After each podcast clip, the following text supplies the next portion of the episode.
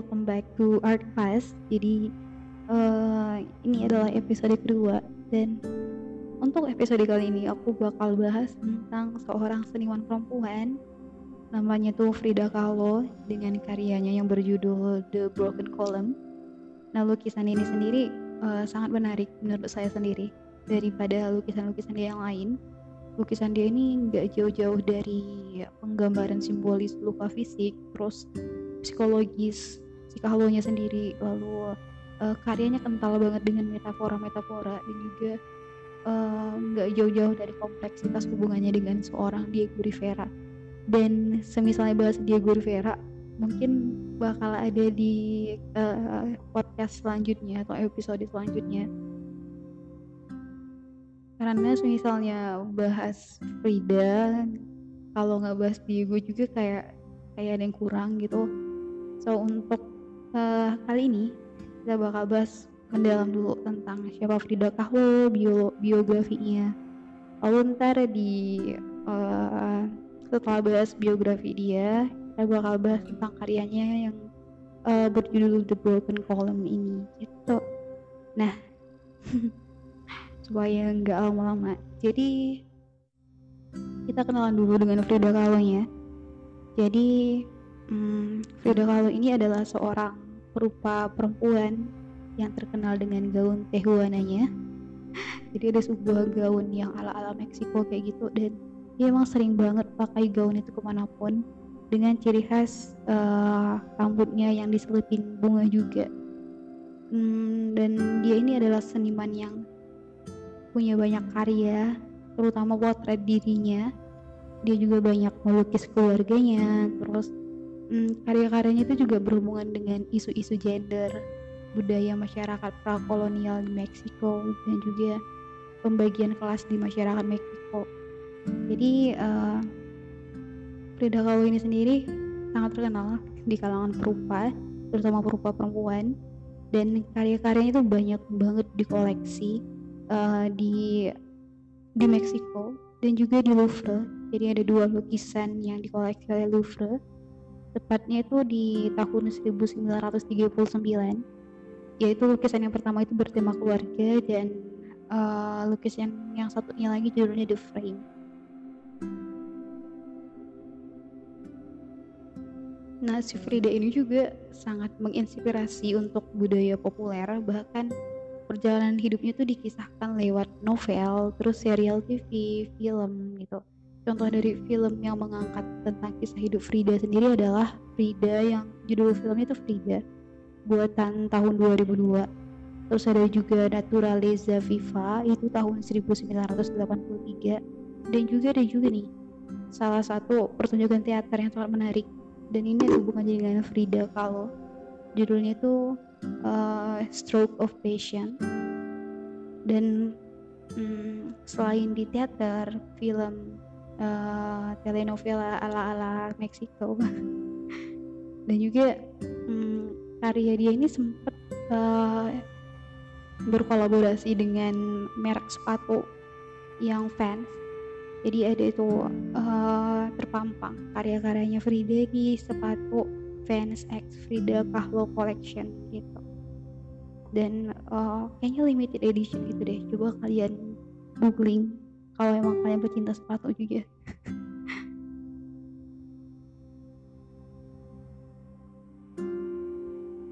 nah jadi uh, kita bakal bahas siapa masa kecilnya Frida. Jadi Frida itu nama lengkapnya adalah Magdalena Carmen Frida Kahlo y Caldeon. Dia lahir di Coyoacan, Meksiko 6 Juli 1907 dan dia meninggal di 13 Juli 1954 tempatnya di sama juga di Coyoacan, Meksiko. Dan dia hidup uh, kurang lebih 47 tahun. Oh kurang lebih sih. Ya emang 47 tahun gitu.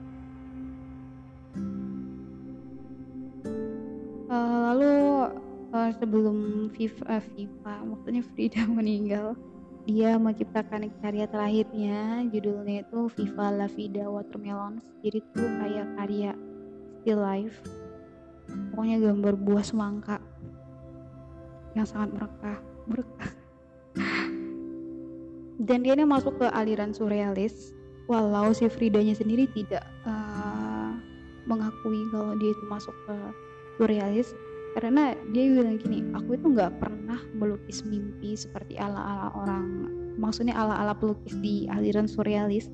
Karena aku sendiri melukis realitas yang realitas diriku sendiri gitu apa yang aku rasakan gitu. Jadi nggak ada sama sekali yang berhubungan dengan mimpi gitu.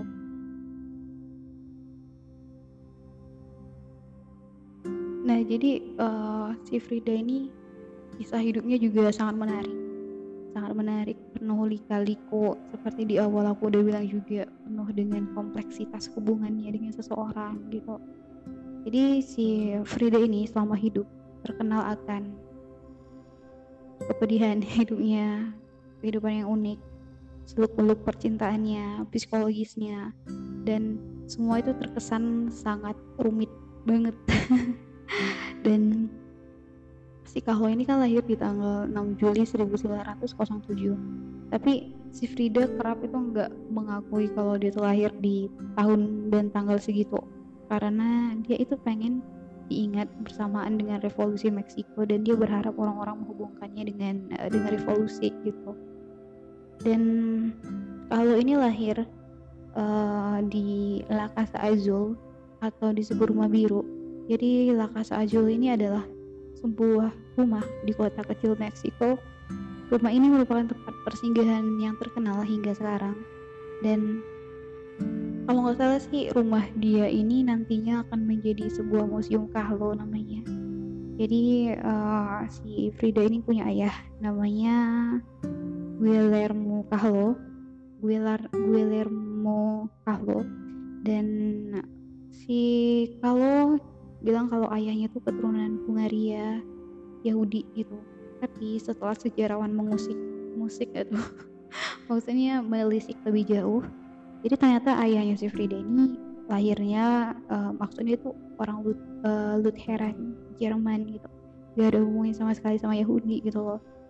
Jadi hmm, ibunya jadi kita bahas ibunya. Ibu si Kahlo ini bernama Matilde Calderon y Gonzales seorang yang religius Katolik yang taat. Dan juga ibunya ini adalah uh, campuran dari Indian suku asli Amerika dan Spanyol. Uh, dan kalau ini adalah anak ketiga dari empat bersaudara. Dan dia punya dua kakak tiri yang dibawa oleh ayahnya gitu. Kalau nggak salah ayahnya pernah menikah sekali. Jadi punya anak dari pernikahan pertamanya. Jadi si Frida punya dua kakak tiri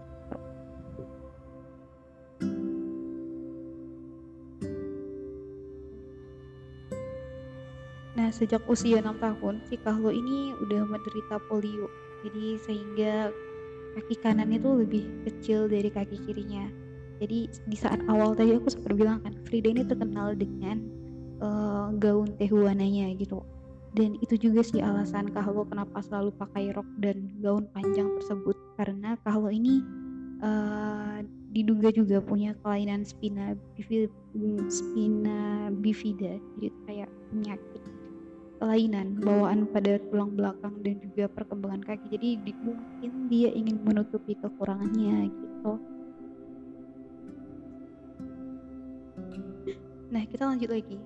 Jadi ini tentang masa remaja seorang Frida Kahlo. Jadi Frida remaja Kahlo remaja itu sebenarnya bercita-cita menjadi seorang dokter.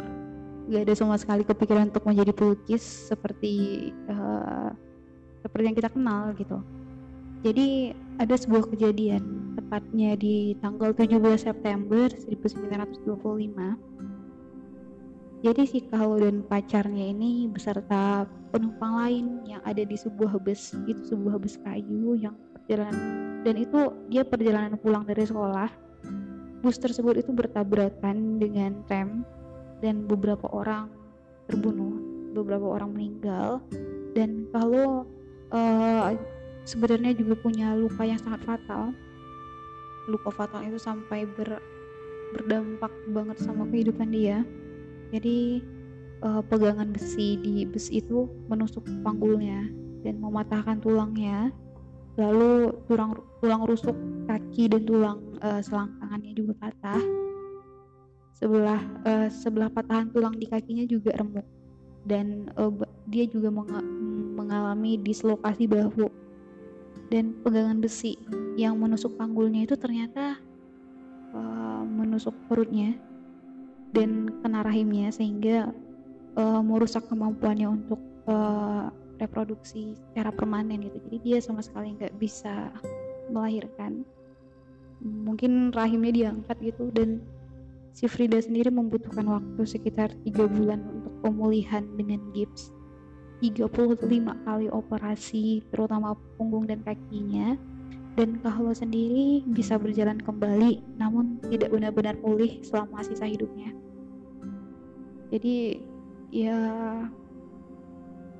benar-benar pedih banget sih jadi Frida Kahlo gitu.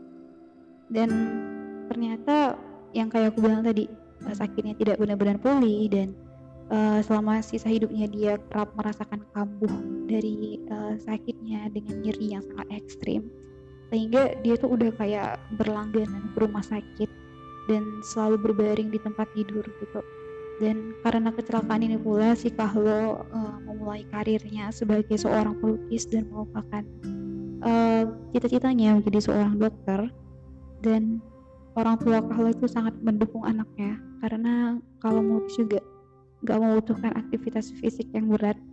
Dan uh, di sini posisinya Frida Kahlo itu masih uh, masih di tempat tidur. Jadi orang tuanya juga uh, menyiapkan sebuah um, tempat melukis di tempat maksudnya uh, sebuah alat untuk mempermudah dia untuk melukis tempat tidur.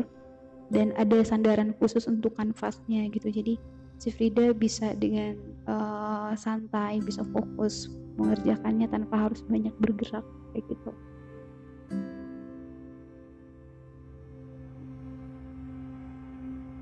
Nah jadi uh, setelah dia melukis jadi si Frida Kahlo ini ternyata kental banget karya-karyanya dengan budaya asli Meksiko dengan warna yang cerah dan juga penuh dengan simbol-simbol. Uh, dan kerap pula itu menggabungkan unsur-unsur yang uh, ada hubungannya dengan tradisi terus dengan agama uh, agama terus Meksiko kuno contohnya kayak contohnya banyak kita lihat karya-karya dia itu uh, memunculkan objek monyet gitu. Nah jadi monyet dalam mitologi Meksiko itu ditafsirkan sebagai hawa nafsu. Tapi bagi Kahlo sendiri monyet itu merupakan simbol dari penawar dan pelindung. Selain itu uh, selain ada objek monyet uh, dengan ciri khas um, potret diri dia dengan gaun Tijuana dengan uh, dengan bunga-bunga dia juga tidak lupa untuk karyanya ada sentuhan surrealisnya gitu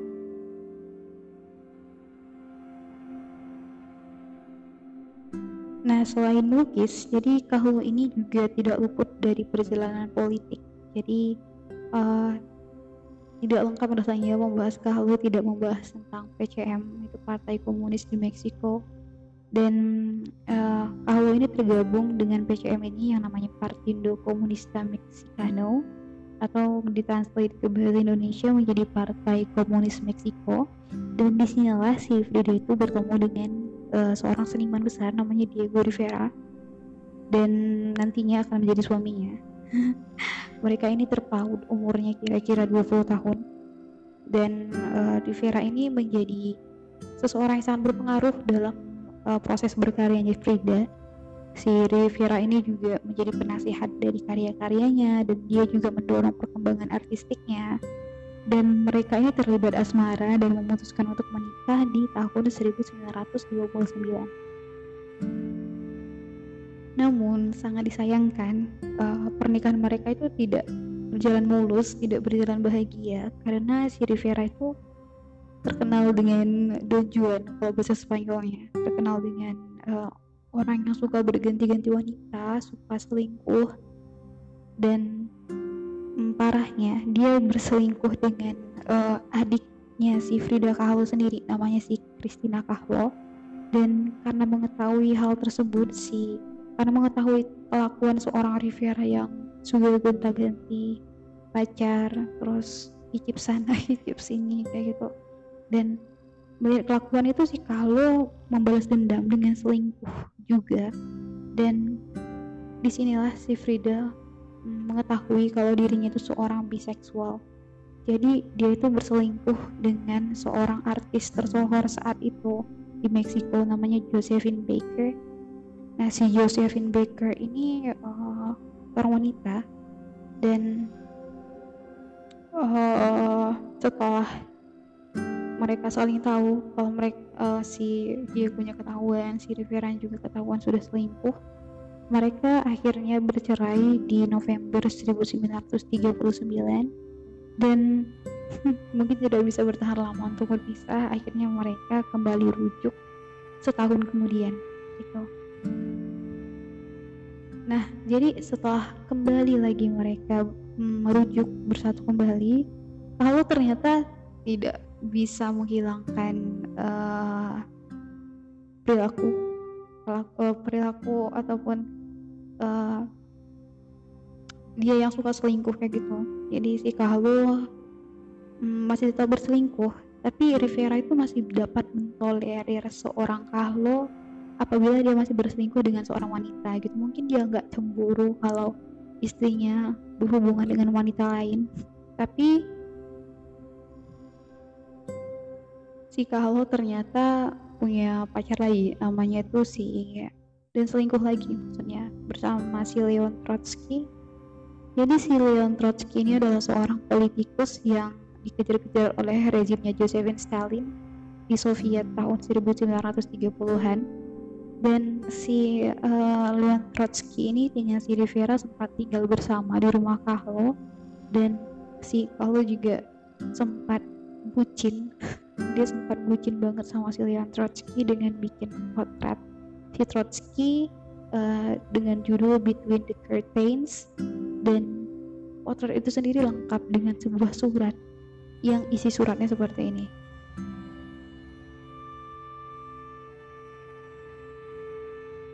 isi suratnya gini teman-teman. Untuk Leon Trotsky dengan semua cintaku aku buat lukisan ini pada 7 November 1937 by Frida Kahlo Design Angel Mexico. Dan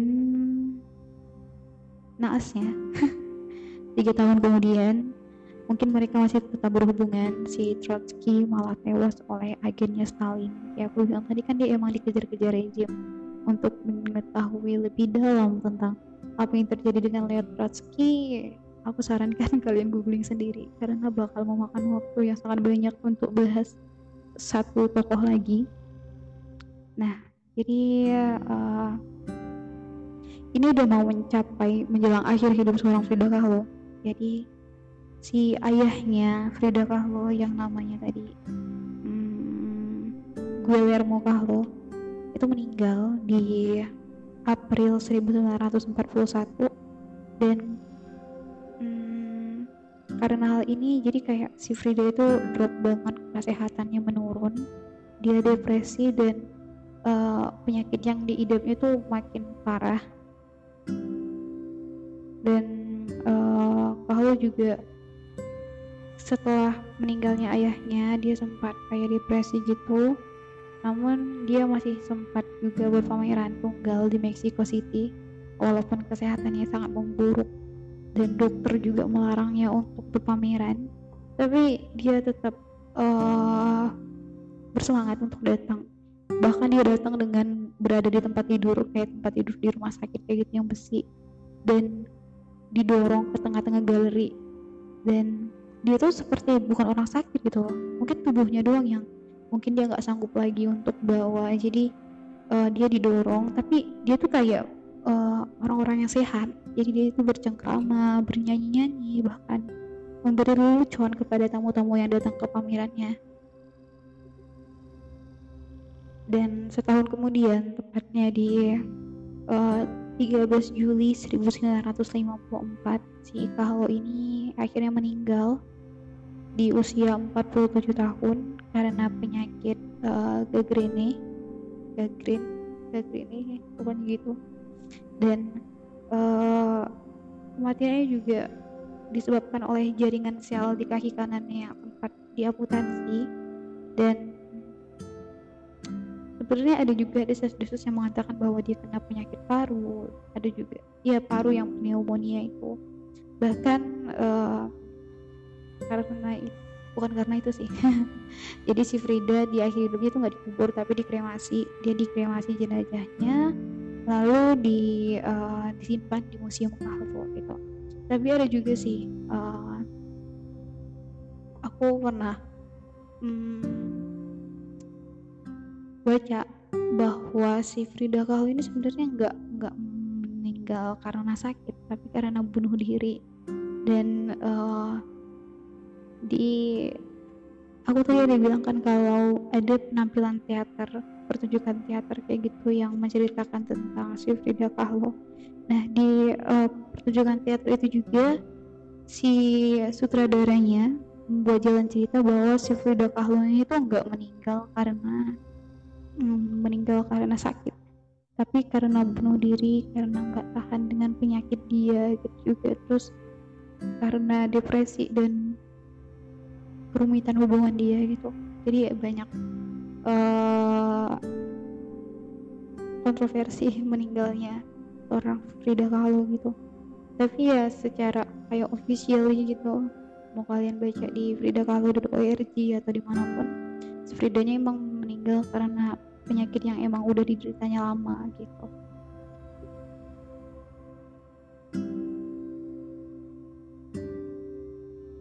Nah, inilah saatnya kita bahas tentang lukisan yang aku maksud.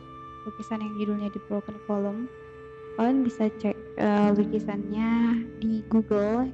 Jadi lukisannya itu potret dia sendiri dengan tubuh yang uh, gamblang, tubuh yang telanjang, bagian tengahnya terbuka, kita bisa melihat ada kayak pilar ataupun besi di dalam tubuhnya, terus dibalut dengan uh, uh, perban-perban, terus di bagian bawahnya ditutupin dengan kain uh, rumah sakit, kayak selimut rumah sakit itu, dan sekujur tubuhnya juga ada paku kayak gitu dengan background gurun yang uh, sangat tandus dan kayak retak-retak kayak gitu.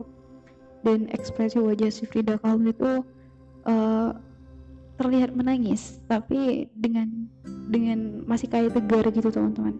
Kalian bisa cek sendiri di Google jadi uh, lukisan ini itu sebenarnya menceritakan tentang penderitaan dan sakit yang dia rasakan sakit yang uh, mengerikan.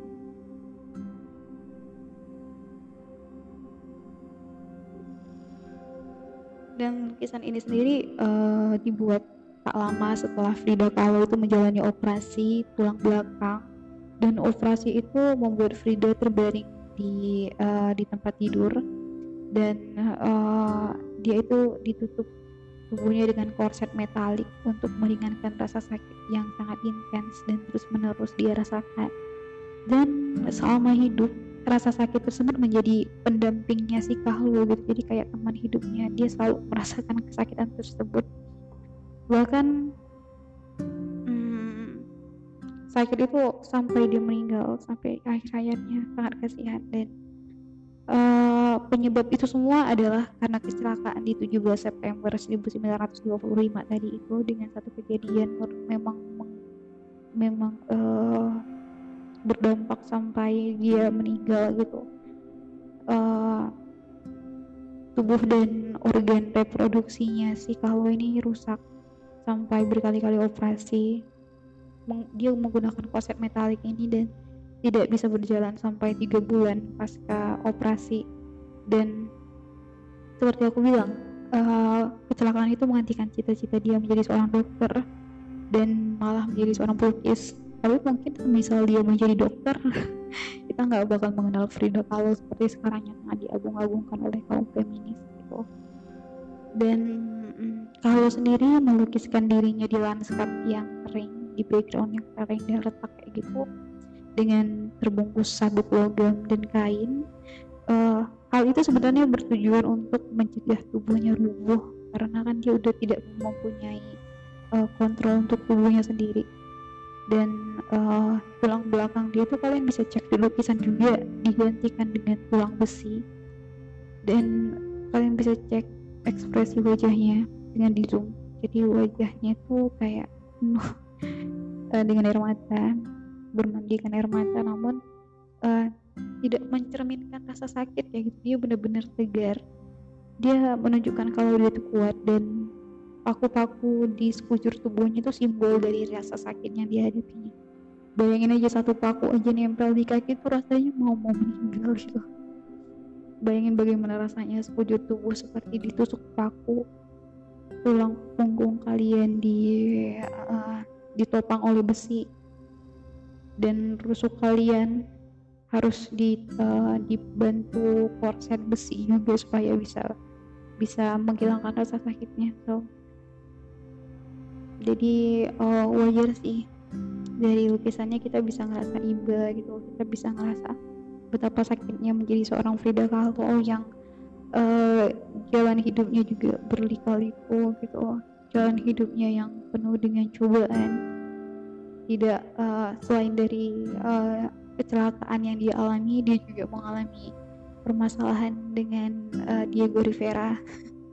Konflik asmara dan juga uh, terlibat dengan percintaan dengan seseorang uh, yang dikejar-kejar oleh sebuah rezim. Lalu dia juga uh, mengetahui kalau dirinya seorang biseksual dan ternyata menyukai seorang wanita dan uh, ayahnya meninggal sampai akhir hidupnya juga. Dia masih merasakan kesakitan yang sangat mendalam gitu. So begitulah kisah hidup seorang Frida Kahlo. Tapi uh, dari banyak uh, artikel dan juga dari uh, Instagramnya Frida Kahlo kalian bisa buka di Frida Kahlo. Kalau nggak salah Instagramnya aku ada follow. Jadi di situ tuh banyak banget potret. Maksudnya ini foto Frida Kahlo bersamaan dengan si Diego Rivera. Jadi menurut aku juga sih si Frida ini sebenarnya sampai akhir hayatnya masih tetap mencintai seorang Diego Rivera. Walaupun dia mengetahui betapa uh, nakalnya suaminya. Dia juga hmm, sempat berselingkuh dan membuat potret orang lain. Tapi dari semua pot, uh, lukisan-lukisan dia terutama yang potret diri itu semua ada hubungannya dengan Diego Rivera gitu. Jadi misalnya dia kecewa dengan Diego Rivera dia bikin lukisan potret dirinya. Semisalnya dia setelah bercerai dia juga bikin potret dirinya. Setelah mereka rujuk juga dia bikin uh, potret dirinya gitu. Pokoknya semuanya ada hubungannya dengan Diego Rivera. Bahkan uh, ada sebuah karya yang judulnya tuh uh, tuh Kahlo jadi uh, di lukisan itu menampilkan dua Frida Kahlo dengan pakaian yang berbeda. Yang pertama itu pakaian ala Meksiko dan satu lagi yang pakaian ala uh, ala orang-orang Eropa. Dan itu uh, menceritakan tentang si Frida bagaimana setelah um, dia mengetahui kalau suaminya itu berselingkuh dengan adiknya si Christina Kahlo gitu. Jadi itu menunjukkan perasaan dia. Dan kalian juga bisa lihat karya-karyanya Kahlo itu penuh dengan uh, maksudnya ada hubungannya dengan Meksiko. Uh, dan juga banyak juga yang still life pokoknya lukisan dia tuh sangat surrealis sangat menarik. Ada juga satu lukisan yang aku juga tertarik uh, aku lupa judulnya tapi ini si Frida Kahlo nya seperti bukan seperti dipanah oleh seseorang. Jadi ada rusa. Itu tubuhnya rusa tapi kepalanya kepala Frida Kahlo dan berada di tengah-tengah hutan. Dan uh, di di ujung dari uh, karyanya itu di background ada sebuah uh, sungai atau danau kayak gitu. Aku juga pernah baca itu katanya sih uh, interpretasinya bahwa si Frida Kahlo ini ingin menggapai lautan tersebut ingin bebas tapi semuanya terhalang karena sakit yang dia alami gitu. Jadi panah panah-panah yang ada di tubuh rusa tersebut tubuhnya tersebut uh, dapat diinterpretasikan sebagai rasa sakit yang dia alami sehingga dia tidak bisa ke mana-mana dan hanya bisa uh, ya hanya bisa menunggu gitu uniknya tuh uh, tubuhnya tubuh rusa tapi mukanya muka Frida Kahlo lagi hmm, ya lagi lagi kesakitan gitu. So mungkin kalian ada yang tertarik dengan lukisan-lukisan Frida Kahlo yang lainnya? Jadi hmm, aku saranin untuk buka di fridakahlo.org jadi satu lukisan ada interpretasinya. Lukisan apa pun yang kalian pengen cek ada interpretasinya. Lalu uh, kalian juga bisa beli buku. Nama itu Frida uh, biografi of Frida Kahlo. Itu juga membahas sangat lengkap tentang Frida Kahlo dan kehidupannya. Hmm, dan mungkin cukup sekian aja untuk uh, pembahasan Frida Kahlo dan sampai uh, ketemu di episode selanjutnya. Sampai ketemu di podcast seniman lainnya. Dan semoga bermanfaat dan semoga kalian bisa memetik sesuatu dari dari podcast ini. Semoga menambah ilmu pengetahuan juga. Dan semisalnya ada yang salah karena seorang uh, podcaster juga tidak sempurna silahkan di di DM atau ya melalui apa pun. Kayaknya di di di anchor ada ada uh, bisa kayak DM juga gitu so, selamat mendengarkan podcast ini. Semoga hari-hari kalian menyenangkan dan sampai ketemu di episode lain. Bye bye